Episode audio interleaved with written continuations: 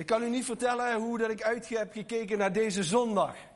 En dat komt omdat we visie mogen delen. En van visie word ik altijd heel erg enthousiast. Want dat zegt iets over waar dat we staan, maar dat zegt vooral iets waar dat we naartoe gaan als gemeente. En misschien bent u hier nu te gast en bent u voor de eerste keer hier en denkt u, waar ben ik nu terechtgekomen? Het is een beetje andere zondag dan anders. Maar daar hebben we in Commissie wel een handje van. Niet elke zondag is hetzelfde. We denken dat het goed is om nieuwe dingen te zien, nieuwe dingen mee te maken. En we gaan ook deze komende periode met een hoop, ehm, ja, ik denk wel bijzondere dingen aan de slag. En daar willen we graag wat over vertellen. Maar eerst een vraag. Wie kan er allemaal kaart lezen? Er steken, een aantal vrouwen steken hun hand op. Dat waag ik te betwijfelen. Maar ik heb het niet over gewoon kaart lezen, ik heb het over echt kaart lezen. Dat bedoel ik met een landkaart. Niet waar dat de A2 en de A1 op staat en dat soort kaarten. Maar als je echt de natuur in gaat en je gaat je oriënteren, bijvoorbeeld je gaat naar de Eifel toe en je gaat je weg vinden met een echte wandelkaart. Wie kan dat? Oh, dat zijn er toch nog wel een hele hoop. Dat zijn er toch nog wel een hele hoop. Dat is erg lastig. Dat is erg lastig. En ik wist niet dat kaartlezen zoveel commotie kon opleveren. Ik hoor mannen tegen een vrouw, dit is een preek voor jou. En de vrouw tikt aan, maar jij bent altijd geweest om de weg te vragen. Ook dat is waar. Maar kaarten lezen, die helpen ons om ons te oriënteren waar we zijn en waar dat we naartoe gaan. En we gingen met de Royal Rangers vaker op kamp. En dan kregen we een kaart mee. En dan moesten we ons oriënteren. Werd je ergens gewoon in de middle of nowhere gedropt. En dan had je de kaart van de omgeving. En je moest je aan de hand van die kaart proberen te oriënteren waar dat je je bevond. En als je in het landschap om je heen kijkt, dan herken je een aantal dingen waarop dat je je koers kunt varen. Wat zijn dingen die je zo in de natuur of in de omgeving kunt herkennen, zodat je je snel kunt oriënteren? Roep eens wat. Kerk, ja. Een wegkruis, ja. Een? Een kompas, ja, daar staat altijd zo'n kompasje op. Een frietent. Ik weet niet wie dat zei, maar.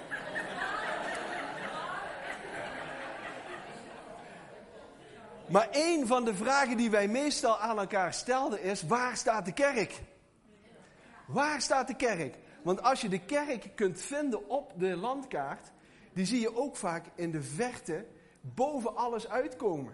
Klopt toch of niet? Het maakt niet uit hoe ver dat je kunt doorkijken, hoe ver dat je kunt kijken. Je ziet altijd ergens de kerk staan. En dat vind ik zo'n ontzettend, ik zal maar zeggen, niet praktisch handig punt. Maar als je kijkt naar de kerk, dan staat die altijd in het centrum van het dorp of van een stad. Als je naar het centrum van het dorp of van de stad wilt, dan zoek je naar de kerk. En het bijzondere van de kerk vind ik dat hij zich altijd in het middelpunt van de samenleving heeft gevestigd. En nu is de kerk vaak een gebouw en mensen kijken ernaar en vinden het mooi. Maar hoe mooi zou het zijn als de kerk ook daadwerkelijk het centrum van de samenleving zou zijn? Hoe mooi zou het zijn als de kerk waar dat wij zijn, hier voor en omgeving, echt een punt zal zijn waar dat mensen naar kijken en waar dat ze zich op kunnen oriënteren. Hoe gaaf zou het zijn als we dat als kerk kunnen bewerken? Ik wil er wel voor gaan. En ik ben blij dat velen met ons dat ook willen. Want ik geloof dat we een heel, eh, ja, echt een prachtige boodschap te vertellen hebben. En dat we dat zichtbaar kunnen maken om ons heen. En weet u, vele jaren geleden was het zo dat in de, de katholieke kerk het zo was dat die kerk zich bevond niet alleen letterlijk in het dorp, maar ook figuurlijk. Bij alle verenigingen, bij alle organisaties. Er werd de pastoor uitgenodigd om een zegen voor het nieuwe jaar te geven. En hier in Schinnen gebeurt, gebeurt dat nog steeds. Dan wordt de deken of de kaplaan, die worden uitgenodigd bij de verenigingen. En daar wordt er een zegen voor het komende jaar gevraagd. Op zich een hartstikke mooi, om, eh, hartstikke mooi om gegeven. Dat samenleving en kerk zo samenvloeien. De kerk staat niet apart van de samenleving, maar ze staat midden in de samenleving. En dat is graag een kerk waar dat ik naartoe zou willen met ons als gemeente. En ik geloof dat we daar ook voor geroepen zijn. Er staat zo'n ontzettend prachtige tekst in Matthäus 5, vers 14. Jullie zijn een stad op de berg. Jullie zijn het licht van de wereld. Een stad die op een berg ligt, die kan niet verborgen blijven. Als je aan het wandelen bent, ergens op die berg, daar zie je die stad liggen. En je kunt er niet omheen. Je moet altijd daarnaar kijken.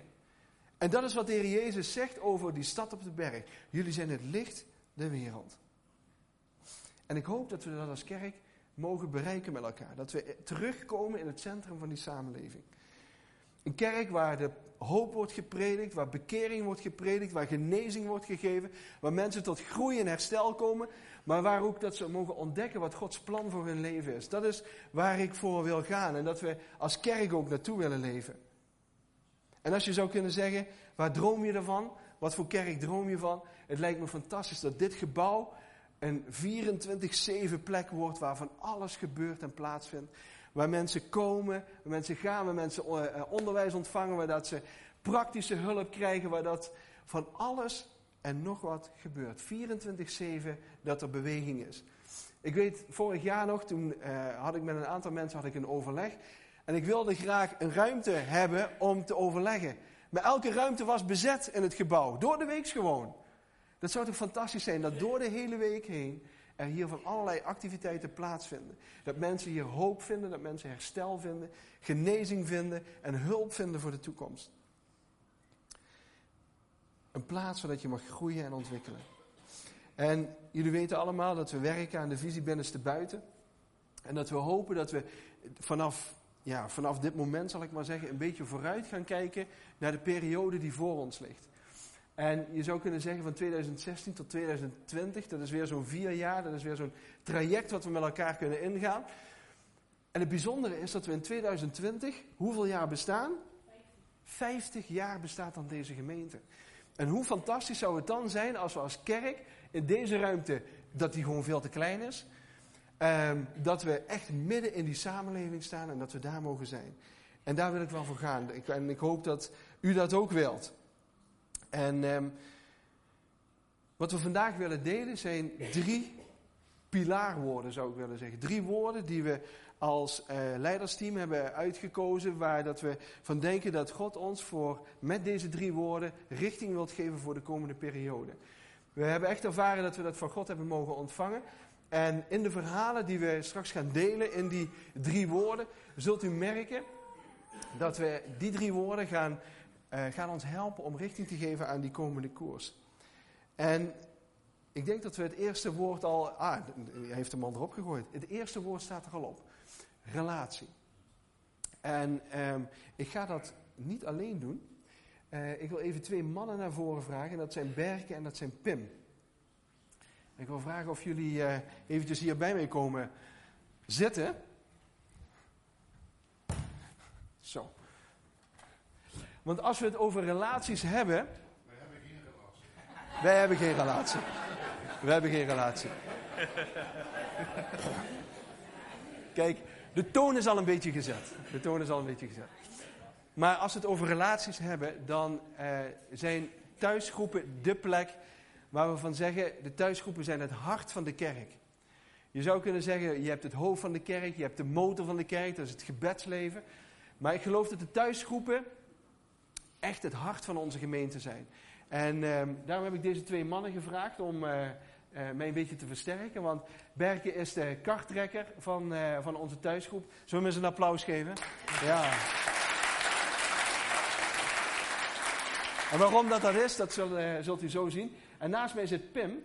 En Pim, jij bent het afgelopen jaar aan een avontuur begonnen. Vertel daar eens wat over. Nou, um, bij ons in het dorp heb je um, over het algemeen de katholieke kerk. Ja. En uh, ja, onze visie is toch uh, binnenste buiten. Dus hup, naar buiten, mensen zoeken wat uh, ja, geregeld dan naar de kerk gaan, contacten meeleggen. Dus ook een beetje een relatie opbouwen.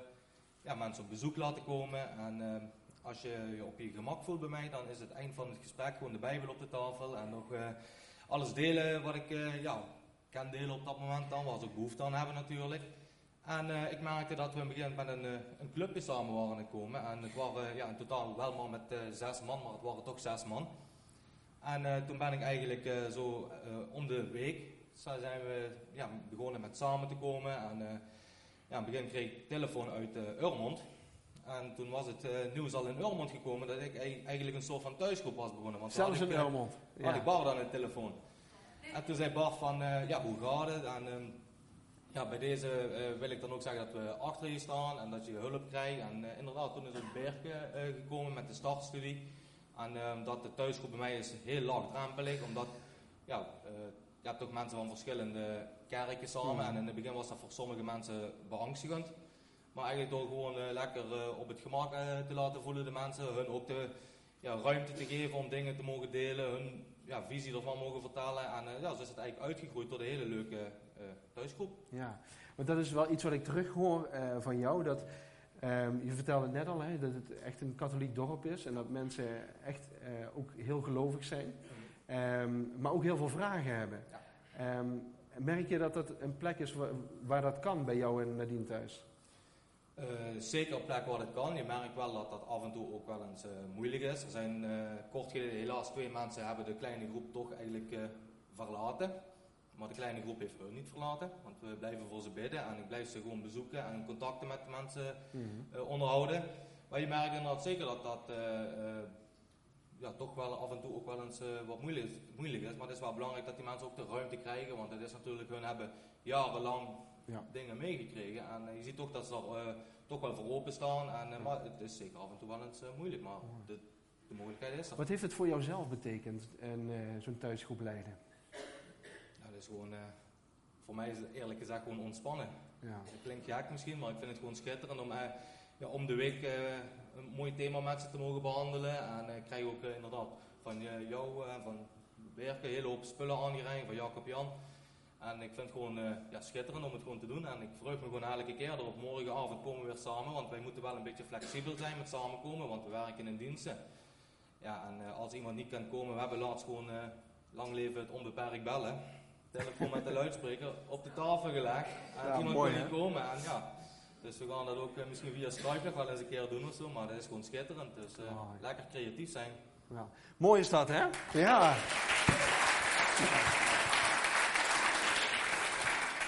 Wat zou, wat zou jij tegen mensen willen zeggen die misschien ook wel het verlangen hebben, of misschien wel ehm, eh, om zo'n thuisgroep te beginnen, of hun huis open te stellen? ehm, misschien dat ze ja, misschien niet durven, of wat zou je tegen ze willen zeggen? Ik heb eerlijk gezegd het eerste jaar bij Martijn in een thuisgroep gezeten. En eh heb ik eigenlijk heel, ja, heel veel van meegekregen, van hoe werkt dat een beetje. Ja, in het begin, als je gewoon het gevoel hebt om te doen, ja, gewoon eh, proberen en eh, God, God gewoon in de leiding laten en dan komt het gewoon allemaal goed. Wauw, heel mooi. Dankjewel, Pim. Geweldig. Ja, je hebt een, een buurman, Berke. Ehm Berke is ook echt jouw passie, hè, die, eh, die thuisgroepen. Eh, we hebben een soort slogan, hè. De gemeente moet eh, groter worden en kleiner worden. Ja. Misschien kun je daar iets, iets over delen. Dat is, is dan een beetje jouw visie, die je gelanceerd hebt enkele jaren geleden, dat de kerk alleen maar groter kan worden doordat ze kleiner wordt. En met kleiner worden is dan met name naar de thuisgroepen toe. Dat ze daar een veilige plek hebben. Want ik zie elke zondag dat hier heel veel gebeurt in de kerk. Ja. Maar ik zie ook heel veel gebeuren in de kleine groep. Ja. Als ik zie wat daar met harten gebeurt, met de harten van de mensen, dat is onvoorstelbaar. Ja. En daarom is het ook zo belangrijk dat ze een beetje dat plekje vinden, kort in hun eigen omgeving, waar mensen zich veilig voelen, waar je met de buren en noem maar op, kun je op heel veel manieren. Dat is kleiner worden, maar tegelijkertijd groter. Ja. Zondag zakt iedereen, en in de week, zoals je zegt, alles is vol, dan zakt iedereen naar hier en dan ontmoet je elkaar als kerk zijn. Ja. Dat is heel belangrijk, daar hebben we ook heel hard aan gewerkt. Ja, precies. Ja, je hebt daar, ehm, eh, ik denk ook samen met de thuisgroepleiders, een aantal dingen voor in gang gezet. Hè. Je hebt een, eh, een bepaald programma ontwikkeld om die groepen ook echt verder te helpen. Ehm, want ja, je bent, je bent eigenlijk ingestapt in dat hele thuisgroepen gebeuren. En toen hadden we bepaalde aantallen ehm, eh, in die thuisgroepen zitten van mensen. Ja. Eh, De geschiedenis is, eh, ik weet niet, of, ja, daar hebben we een slide van. Eigenlijk als je kijkt in voor 2013, met dank aan Wim natuurlijk, nooit vergeten in dat heel gebeuren, heeft daar ook mee gestart met thuisgroepen. Ja. Maar toen zaten we ongeveer met zeven thuisgroepen. En er was ongeveer een 70 mensen die wekelijks die thuisgroepen bezocht. En dan hebben we een slide verder in 2014, 15. Dan zijn we doorgegroeid naar 11 groepen. Zijn, we zijn gestegen van 70 naar 118 mensen. Tegelijkertijd hebben we toen ook uh, de start thuisgroep leidersvergaderingen, vier keer per jaar. Vergadering is eigenlijk geen goed woord, dacht ik. Nee, het klinkt heel, heel verkeerd, maar meestal hebben we frieten of kroketten. maar uh, net zoals bij de bikers hebben we ook eigenlijk, die staan daar nog niet bij. Uh, dat is ook een groep. Ik zit ondertussen in vier groepen. En daardoor dat ik een beetje meer massa heb. maar waarom, waarom vond je het belangrijk om die, die groepsleiders bij elkaar te krijgen? Nee, omdat uh, het is niet zomaar, uh, ik start een groepje 1, 2, ja. 3 en ik ga daarmee aan de slag. Daar komt heel veel bij kijken.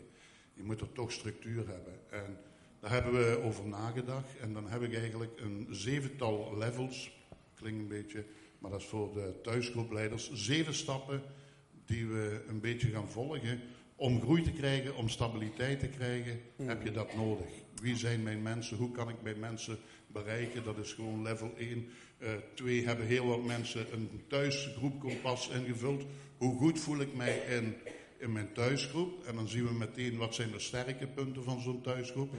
Waar moeten we, wat zijn de zwakke? Waar moeten we aan gaan werken? Ja. En zo zijn er een zevental uh, groepen waar we van zeggen, kijk, we gaan tot het punt komen, dat is zo belangrijk.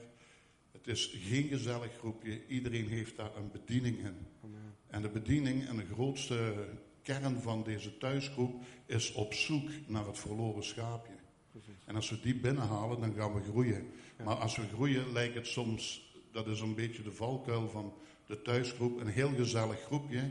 Dat is het ook, moet het ook zijn, maar op zeker ogenblik knippen we dat door. En dan gaan we splitten en dan gaan we groeien. En we gaan meer en meer mensen bereiken.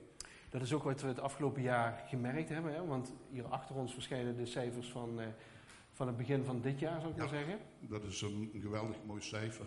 Dat is 12% groei het laatste jaar. Ja. En ja, dat overtrof toch een beetje mijn verwachting. We hebben hier en daar een terugval gehad van een paar groepen. Anders zaten we aan de 20%. Ja. Dat wil dus zeggen dat we daar ook heel veel energie moeten in gaan insteken. Maar uiteindelijk, als ik het uh, getal zie, 132 mensen die fantastisch. wekelijks Ja. dat bezoeken. Dat is geweldig. Ja.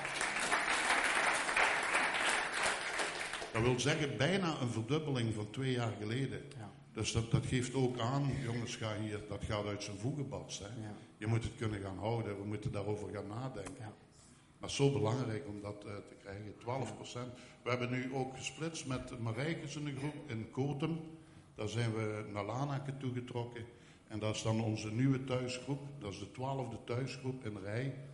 En nu komt het erop aan om dat vast te houden. ja, precies. Dat niet in te verzwakken. Maar ook nog eens als doelstelling te zeggen van... Als doelstelling willen we dit jaar 15% gaan groeien. Ja. En dat wil zeggen dat ook weer naar buiten... Dat, dat wordt heel complex dan. Ja. Dus dan moeten we zoeken naar middelen om mensen aan te spreken. Om mensen die honger hebben naar het woord... tot in die celgroep te herleiden. En dat is zo'n beetje een droom. Van, kan je het je voorstellen? Ik reed de laatste keer naar Marijke in Kotum... En daar onze thuisgroep is. En als je daar door die straat rijdt, dan zie je overal neonreclame van die groet, groen, geel, rood hoedjes van de carnaval. Wat zou het mooi zijn als je zo'n keten hebt, gelijk McDonald's. Die kom je overal tegen, dat is ook een punt. Hè? Ja. Waar je op je kaart kunt kijken, waar ligt de McDonald's. En als we nu zo... nou, trouwens, ze zeggen dat vrouwen geen kaart kunnen lezen, maar geef ze maar eens een klantenkaart. Hè. en direct vertrokken. Maar, maar terug naar de thuisgroepen. Het, het zou geweldig zijn als in elk dorp, stel u voor, een neonreclame, een thuisgroep van kom en zie. Dat je door de straten rijdt en zegt, oh hier is er ook in, hier is er ook in. Ja. En ik denk dat dat ligt in de mogelijkheid. We hebben een ongelooflijke schepper die dat kan. Absoluut. En als we daar allemaal, want denk nou niet, oh, we moeten thuisgroepleiders hebben, die moeten we hebben. Maar iedereen in die groep is zo belangrijk. Iedereen heeft daar een eigen taak in. Dat vind ik zo belangrijk. Ja. gaan we groeien. Ik eh, onderbreek je een beetje, maar je hebt, een van de dingen is dat je ook wilt insteken verder op het groei van leiderschap. Hè? ja, als we willen groeien, dan moeten we de bottleneck ontdekken. Waar, waar zitten we ergens vast? En op dit ogenblik is dat uh, nieuwe leiders.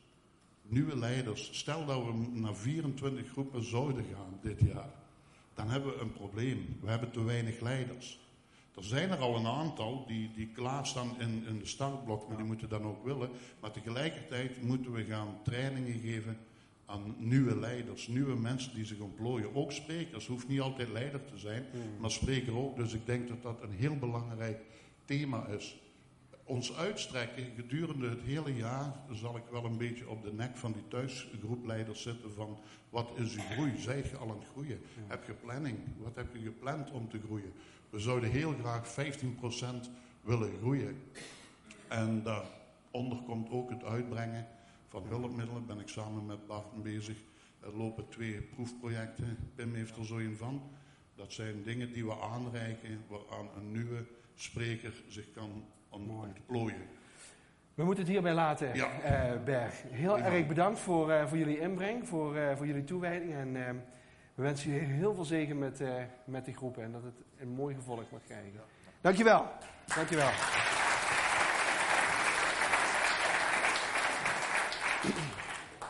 We denken dat het heel erg belangrijk is om ook niet alleen intern eh, te groeien, maar ook extern te groeien. Dat betekent dat we nieuwe relaties aangaan, dat we zoeken naar partners waar dat we mee kunnen samenwerken en waar dat we verder mee kunnen gaan. En we kennen natuurlijk allemaal de dingen die daar bij het helpcenter gebeuren. Daar gebeurt veel meer dan dat u zelf eh, zou weten en zou zien. We zijn bezig met de kinderopvang. We hebben de Argus-leerlingen die hier stage lopen. Dit jaar zijn dat er ongeveer 80 die hier naartoe komen. We hebben ook heel veel contact met andere voorgangers en eh, organisaties. Dus daar zit ook een heel stuk relatie in. Maar iets wat we onlangs opgepakt hebben, dat is eh, eh, het samenwerken met het AZC.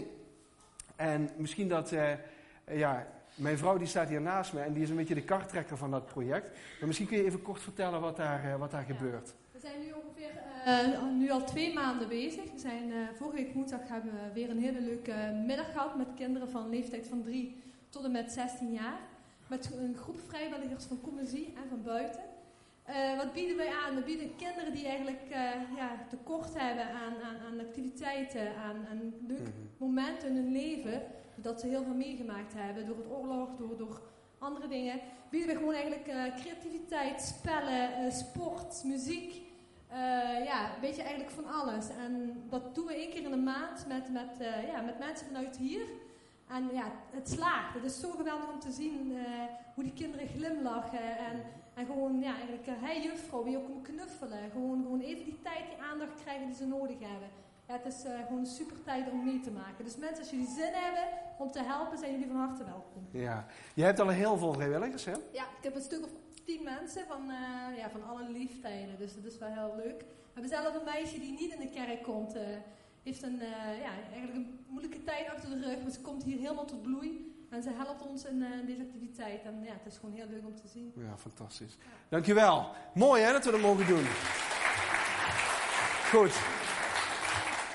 Een van de dingen die we natuurlijk willen doen, ook als kerk, is dat we onze koffieruimte willen aanpassen. We willen daar echt uh, zorgen dat we dat mooi kunnen verbouwen. Daarvoor hebben we dat Hart voor Commissie offer opgehaald. Um, wat het exacte bedrag is geworden, ik weet het even niet. Misschien dat Jan het zo uit zijn hoofd weet, mag hij het me zo zeggen. En, um, maar dat is in ieder geval ook zo'n middel. Ook in ons gebouw willen we laten zien dat we die relatie naar buiten, maar ook naar binnen willen versterken. Dus het eerste woord, Relatie, oké? Tweede woord, gaat Jacob Jan introduceren. Ja, ik, uh, het tweede woord dat is, uh, dat is groei. Uh, ik heb overwogen om even een, een, korte prijsvraag te doen. En ik dacht, dan laat ik jullie raden welk woord dat zou kunnen zijn. Maar ik denk dat is zo vanzelfsprekend dat het woord groei onderdeel uitmaakt van onze visie. Dus nou, dat is te makkelijk. Dus geen prijsvraag en geen prijzen te winnen.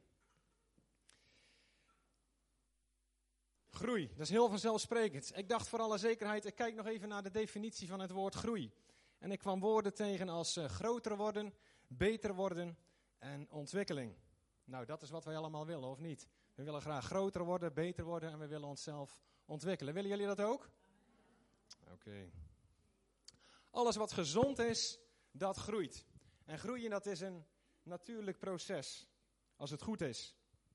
Ehm, alleen je moet daar wel het juiste klimaat en de goede omgeving voor creëren. Een, klimaat waar expansie en waar groei mogelijk is. En dat is, denk ik, de verantwoordelijkheid van ons als kerk. En dat denken jullie natuurlijk, ja inderdaad, dat moeten wij als kerk doen. Maar let op, die kerk, dat bent u en dat ben jij. En dat zijn wij natuurlijk ook. Als kerk willen we samen vooruitkijken tot 2020. Dus we kijken eigenlijk wel vier jaar vooruit. En er zijn natuurlijk verschillende terreinen waarop wij als kerk willen groeien. En dan denk ik, ten eerste denk ik aan een stukje persoonlijke groei. We willen allemaal graag geestelijk volwassen worden. Er is een moment dat je geboren wordt als christen, maar dan ga je groeien en dan ga je leren en dan word je volwassen. En als kerk willen wij verschillende ja, mogelijkheden aanbieden waar je kunt uitstappen en waar je kunt groeien in je geloof. En ik wil Arjan, wil ik eens naar voren vragen. Uh, want er worden altijd nieuwe initiatieven genomen en er zijn natuurlijk een heleboel bestaande initiatieven. Maar Arjan, uh, welkom. Dankjewel. Uh, jij hebt ehm, vorig jaar, is mede op jouw initiatief, is er op de zondagavond is er, ja, een nieuw initiatief, dat heet, heet Livestream, is bedacht. En wil je daar eens wat meer over vertellen? Ja, livestream, um, zoals het in het Engels staat, bedoelen we daarmee um, een ontwikkeling van je, van je levende relatie met, met God.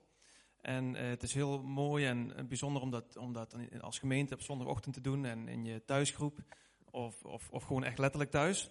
Maar we wordt ook echt het verlangen met een aantal mensen om dat gewoon hier met elkaar um, samen uh, te doen en daarin uit te stappen. Mm -hmm. En die levende relatie met God verder te ontwikkelen. En um, ja, we gebruiken daar heel veel muziek bij. En heel veel ruimte om, om gewoon zelf ook daarin te leren om Gods stem te verstaan. En uh, dat is een hele uitdaging soms, en, uh, maar, maar heel bijzonder om mee te maken. Er is heel veel tijd voor bemoediging. Ja, ik, ik ga er eigenlijk altijd weg met een, uh, met een gevoel van, ja heerlijk. We hebben niet alleen maar met, met, met God een, een tijd samen gehad, maar ook nog eens een keer met elkaar. En dat is, dat is bijzonder. En die, die dingen doen we ook hier op zondagmorgen natuurlijk vaak, dat we bouwen aan die relatie met God. Maar wat is nou het verschil tussen die livestream en zeg maar de zondagmorgendienst? De invulling daarvan, heel concreet. Ja, bij die, bij die, bij die livestreamdienst hebben we net wat meer ruimte om, om, om het echt ook samen, samen te, te, te ontdekken.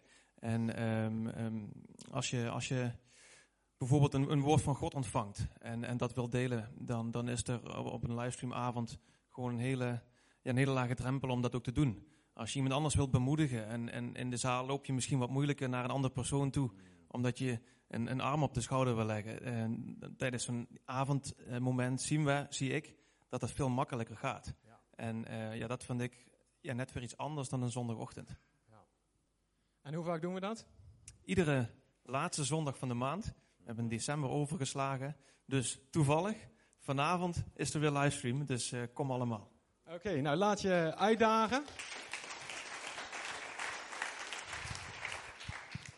Groeien is ook een keuze. En uh, als er de gelegenheid is, dan, dan word je uitgedaagd. Hè? Arjan die daagt ons, of wij allemaal dagen jullie natuurlijk ook uit om naar zo'n avond toe te komen. En dan mag je dus persoonlijk daarin groeien, mag je uitstappen, mag je risico nemen.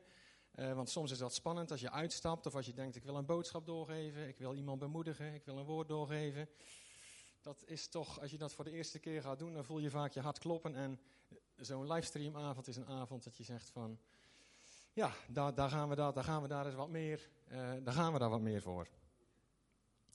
Nou, naast zo'n livestream hebben we ook de donderdagavond. Donderdagavond om de week is hier een onderwijsavond. En onderwijs heb je nodig om te groeien. Dus laat ook jezelf uitdagen en kom vaker naar zo'n donderdag toe. Maar zo'n donderdag is ook een geweldig moment om bijvoorbeeld uh, leren spreken. Als jij wil groeien, als je denkt van hé, hey, ik heb ook dat verlangen om een woord van God over te brengen of om onderwijs te geven. Dat kan op de donderdagavond. He, heeft net een heel verhaal uh, verteld over de thuisgroepen. Dat is een moment dat je dat kan doen. Maar als je zegt ik wil de volgende stap doen, dan zou je een donderdagavond zou je kunnen zeggen van hé, hey, ik heb dat verlangen, ik wil graag spreken. En op donderdagavond is die mogelijkheid daar. En als je dat graag wil, dan mag je jezelf melden bij mij of iemand van de leiding. En dan zeg je van, hé, hey, mag ik dat eens een keertje doen? Dat is geweldig om ook daarin uit te stappen en te groeien. En ik heb als volgende uh, punt leiderschap. En ook daar heeft Ber eigenlijk al wat over gezegd. Wij willen gaan groeien in leiderschap. En ik denk dan vooral aan het woord vermenigvuldiging. Wij willen zeg maar de komende tijd willen we benadrukken dat het belangrijk is dat iedereen zichzelf vermenigvuldigt. Want in essentie zijn wij allemaal leiders. We geven ten eerste leiding aan ons eigen leven, maar we geven ook leiding aan misschien een thuisgroep, leiding aan het multimedia-team, leiding aan ons gezin. We geven leiding. En het is belangrijk om het talent wat je hebt, om dat ja, door te geven en over te dragen. En als leiders willen we dus echt een leiderschapsschool, of in ieder geval echt momenten gaan creëren waarin we mensen uitdagen om uh, ja, de leiding te nemen. Maar ik wil het ook graag kleiner maken. Je moet allemaal zorgen dat je, ik zou zeggen, vervangbaar, uh, vervangbaar bent. Onderwijs. Dat is dus heel erg belangrijk. En daar willen we echt in groeien. Op de donderdag, in het mentoraat, maar bijvoorbeeld ook een alfa-cursus. We willen graag dat mensen gemakkelijk uh, de stap kunnen maken zeg maar, naar het geloof en kunnen leren kennis maken met het geloof. En we verlangen eigenlijk al heel lang om een alfa-cursus op te zetten. En misschien kent u die cursus wel, dat is eigenlijk een landelijk bekende cursus.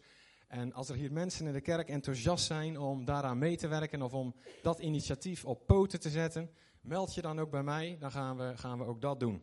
En, maar na de alfa-cursus komt nog veel meer. En we willen eigenlijk heel graag een onderwijsprogramma ontwikkelen. Dat je begint met de Alpha-cursus. We hebben een starterscursus van BER. Maar dat je verder gaat. Stap 1, 2, 3, 4.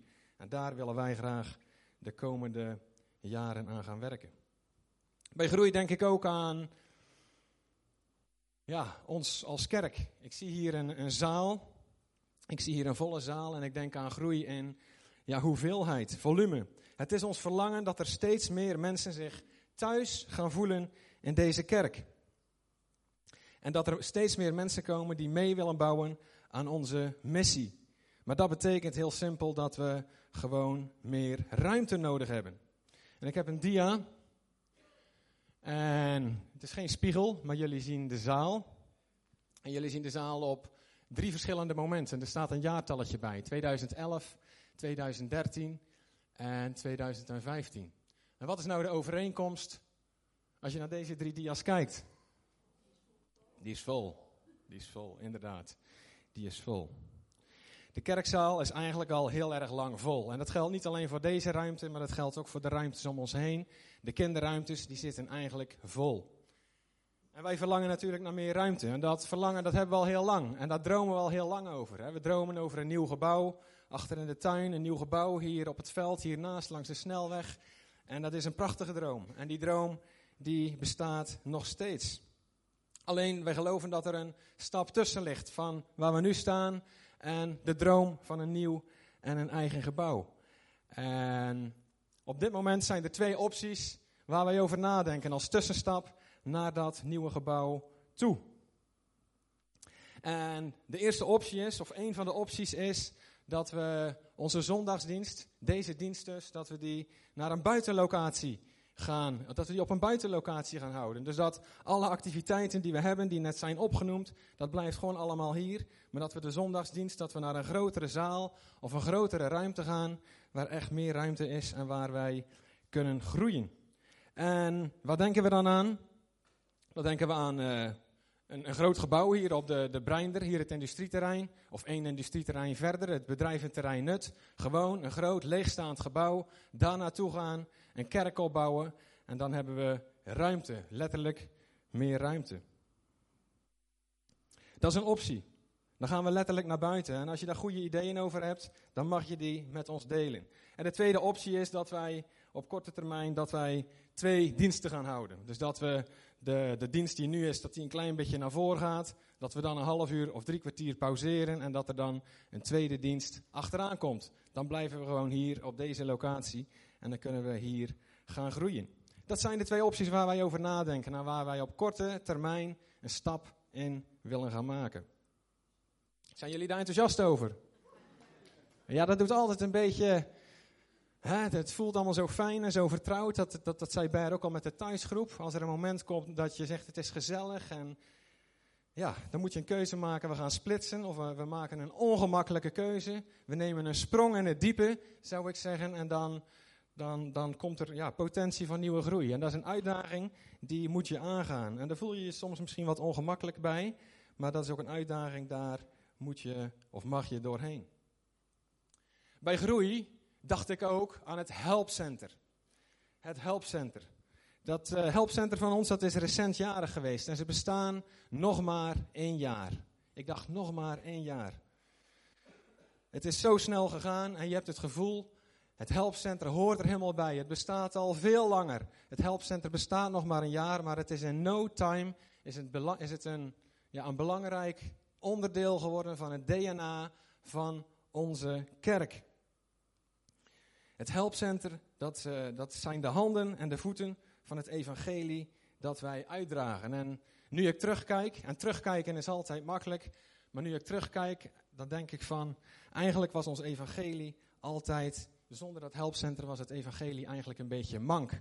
Het evangelie is mooier en voller met dat helpcenter. En waarom dacht ik bij het helpcenter ook aan groei? Nou, dat helpcenter dat is boven verwachting hard gegroeid. Het is een, een zelfstandige stichting die dan wel onderdeel uitmaakt van onze kerk. En um, uh, nou, ze hebben het afgelopen jaar hebben ze uh, ruim 80 mensen hebben ze al uh, geholpen aan voedsel, aan kleding en nog veel meer dingen. En wat vooral is, ze hebben het verlangen om te groeien. En er is ook veel vraag naar, er wordt naar gekeken. Er komen allemaal andere kerken die zeggen wij willen ook wel zo'n helpcenter. Wat een geweldig idee. En ik ben echt trots op dat helpcenter en ik vind het geweldig. Gisteren was er een kledingdag. Nou, hier zie je de foto achter ons. Dat is het team wat het heeft gedaan. En dat is ook een belangrijk deel van het team wat de kartrekkers zijn van het helpcenter. Zijn jullie trots op het helpcenter? Ja. Inderdaad, geef ze maar een applaus en dan geef ik het woord weer aan Bart. Goed. Ik kan me voorstellen dat u iets ongemakkelijker op uw stoel zit nu. Maar dat is alleen maar goed. Het is alleen maar goed. Het is goed om na te denken over de toekomst. Het is goed om na te denken waar dat we naartoe gaan. Het zou veel erger zijn als dat we zouden moeten zeggen: we moeten hier naar een klein zaaltje hiernaast. En allemaal lastig, weinig kinderen en dat soort zaken. Maar eh, groei drijft ons tot nieuwe opties, nieuwe mogelijkheden. En eh, ik denk dat we daar de Heer ontzettend, ontzettend dankbaar voor mogen zijn. Het tweede woord, of het derde woord wat ik wilde introduceren, was of is Next Generation. Um, door de jaren heen heeft Comensie een geweldig kinder- en jeugdwerk gehad in deze kerk. En ik denk dat het zo is dat, dat uh, elke gemeente heeft een soort unieke handschoen. Omdat daar unieke mensen in de zaal zitten. En God die wil iets uniek in elke gemeente doen. En elke gemeente is ervoor geroepen om te ontdekken wat is zijn of haar unieke handschoen als gemeente. En ik geloof dat God ons bovengemiddeld gezegend heeft met kinderwerkers. Bovengemiddeld heeft gezegend met kinderen. Bovengemiddeld heeft gezegend met de ruimtes waarin dat we het kinderwerk mogen doen. En ik geloof dat God ons daarom ook uitdaagt om daar een volgende stap in te zetten. Ik wil u een aantal aantallen laten zien. Bijvoorbeeld van de Royal Rangers. De Royal Rangers die komen hier op vrijdagavond samen met 57 kinderen. Exclusief de leiders. Dus dat zijn ongeveer 75 mensen die hier op de boerderij rondlopen en allerlei activiteiten hebben. En u ziet de leeftijdsgroepen en u kent de ruimtes in ons gebouw. U kunt zich voorstellen dat als de landrangers en de verkenners met elkaar samen zitten in een ruimte van 4 bij 5 meter. En die zijn heel enthousiast, want dat is de leeftijd van 12 tot 15. U kunt zich voorstellen dat de leiders dan zoiets hebben van, laten we ze naar buiten doen. En we zien in al die leeftijdsgroepen dat we tegen de ruimtes aanlopen en dat we eh, daarin ruimtegebrek hebben. De volgende dia gaat over het zonderschoolwerk. Op zondag hebben we tussen de 85 en 95 kinderen die hier in al die ruimtes verspreid zitten. Van de babytjes tot de 12-plussers zal ik maar zeggen. En alles wat daartussen zit. U ziet daar één zo'n uitschieter bij de groep 3 en 4, 21 kinderen. U kunt zich voorstellen als 21 kinderen in de leeftijd van 7 en 8 bij elkaar zitten, dat daar dan iets gebeurt. Voelt u een beetje wat ik bedoel? We merken eigenlijk in ons hele gebouw, en daarom is dat woord van groei zo ontzettend belangrijk, dat we tegen de grens aanlopen van wat er nu gebeurt in ons gebouw. En als wij 85 of 95 kinderen ik, even eh, om een illustratie te geven. Dat is dit gedeelte van de zaal en nog een gedeelte van het achterste gedeelte. Zoveel kinderen komen er in commissie. Dus je kunt eigenlijk nog een soort kerkzaal erbij zetten. En dat zijn de kinderen. En eigenlijk verhoudingsgewijs klopt dat niet helemaal. U krijgt te veel kinderen. Dat is een beetje het probleem. Normaal kom ik elk jaar even op bezoek en dan vraag ik hoe zit het met het volgende kind. Nee, dat deden ze vroeger. Maar voelt u een beetje wat er gebeurt? God zegent ons enorm met het kinderwerk. En ik denk dat we daar ruimte, gelegenheid en creativiteit voor moeten creëren om dat te doen. En daarom willen we de komende periode op zoek gaan naar een soort van jeugdkindervoorganger.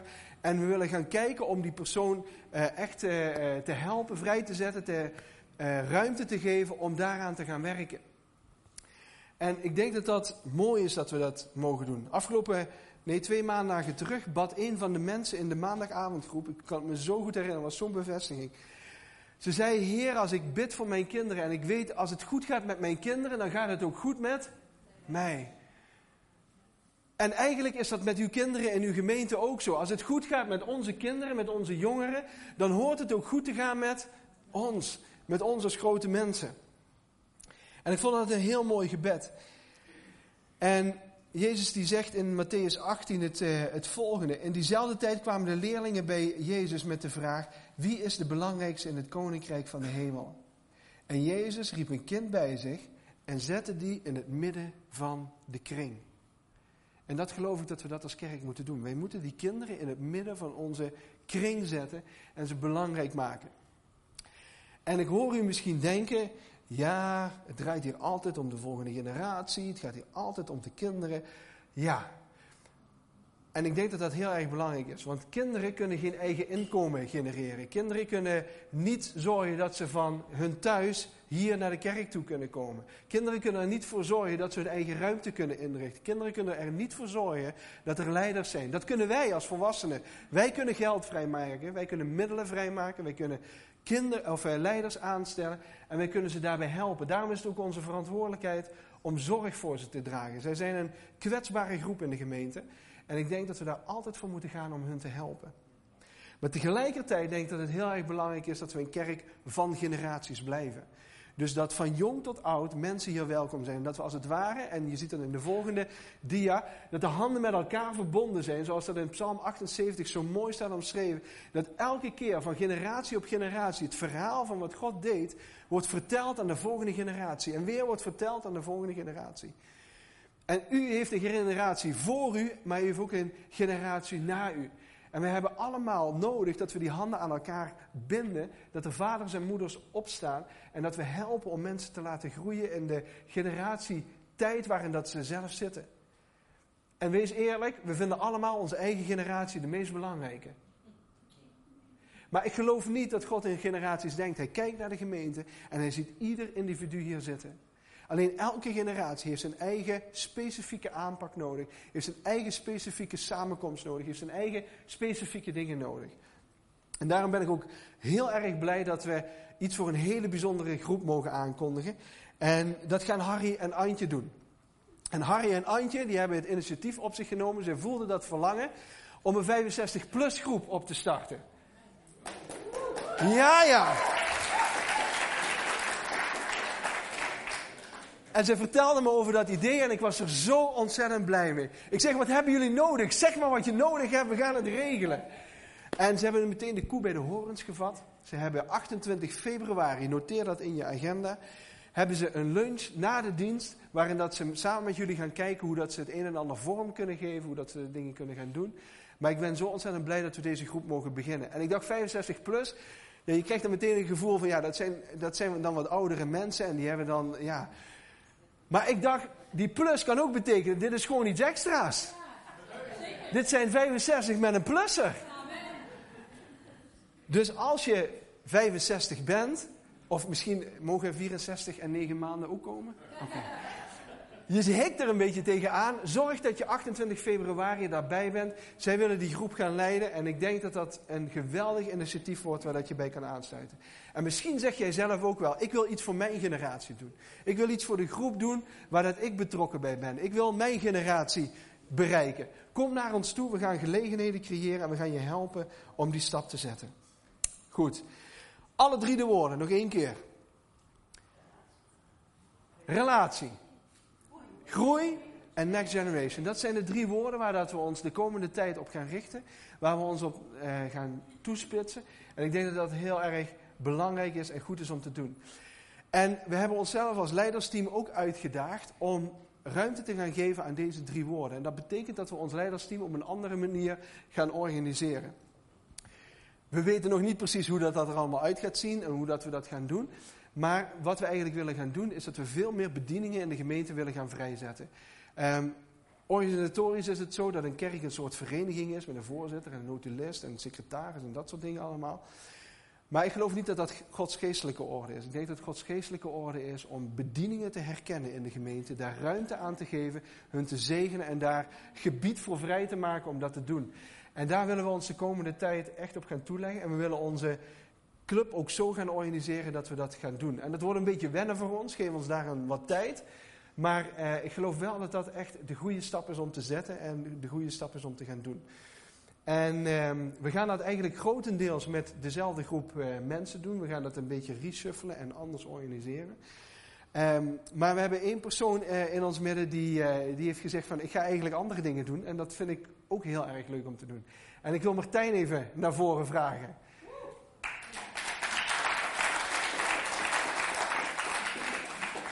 Martijn is mijn broer en uh, die heeft de afgelopen vijf jaar gediend bij het kinder- en bij het, bij het jeugdwerk. Um, en voor jou komt er als het ware een soort stop, maar ook niet helemaal. En misschien dat je daar zelf even iets over kunt zeggen. Ik heb het hier niet voorbereid, maar.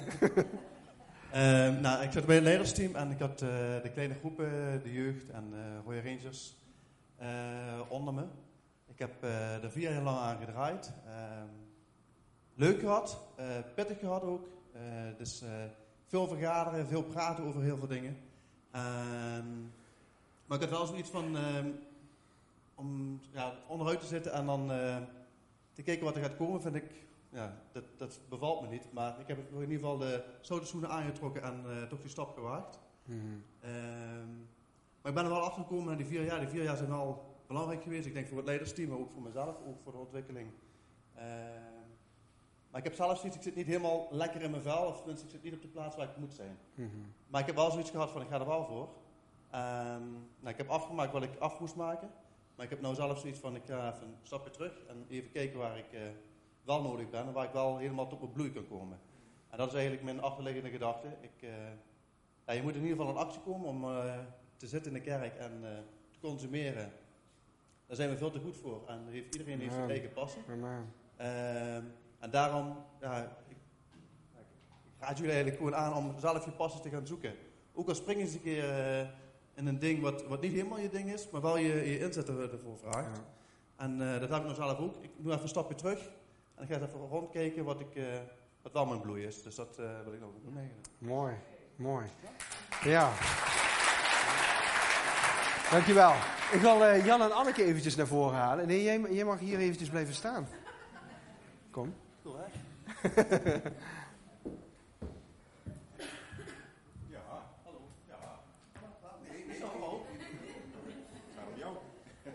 wij vinden het heel belangrijk dat je ook eventjes lekker met je gezinnetje, als je er iets leuks ziet. Ho, ho. Zo. Ik vind het heel belangrijk dat hij dit doet. En dat hij dan ook eens even gezellig met zijn gezinnetje eventjes lekker eruit kan. Vindt u dat ook niet? Ja. Alsjeblieft. En dat je ervan mag genieten en heerlijk avond. Ja. En Martijn, bedankt jongen. Ja. Je bent een kei.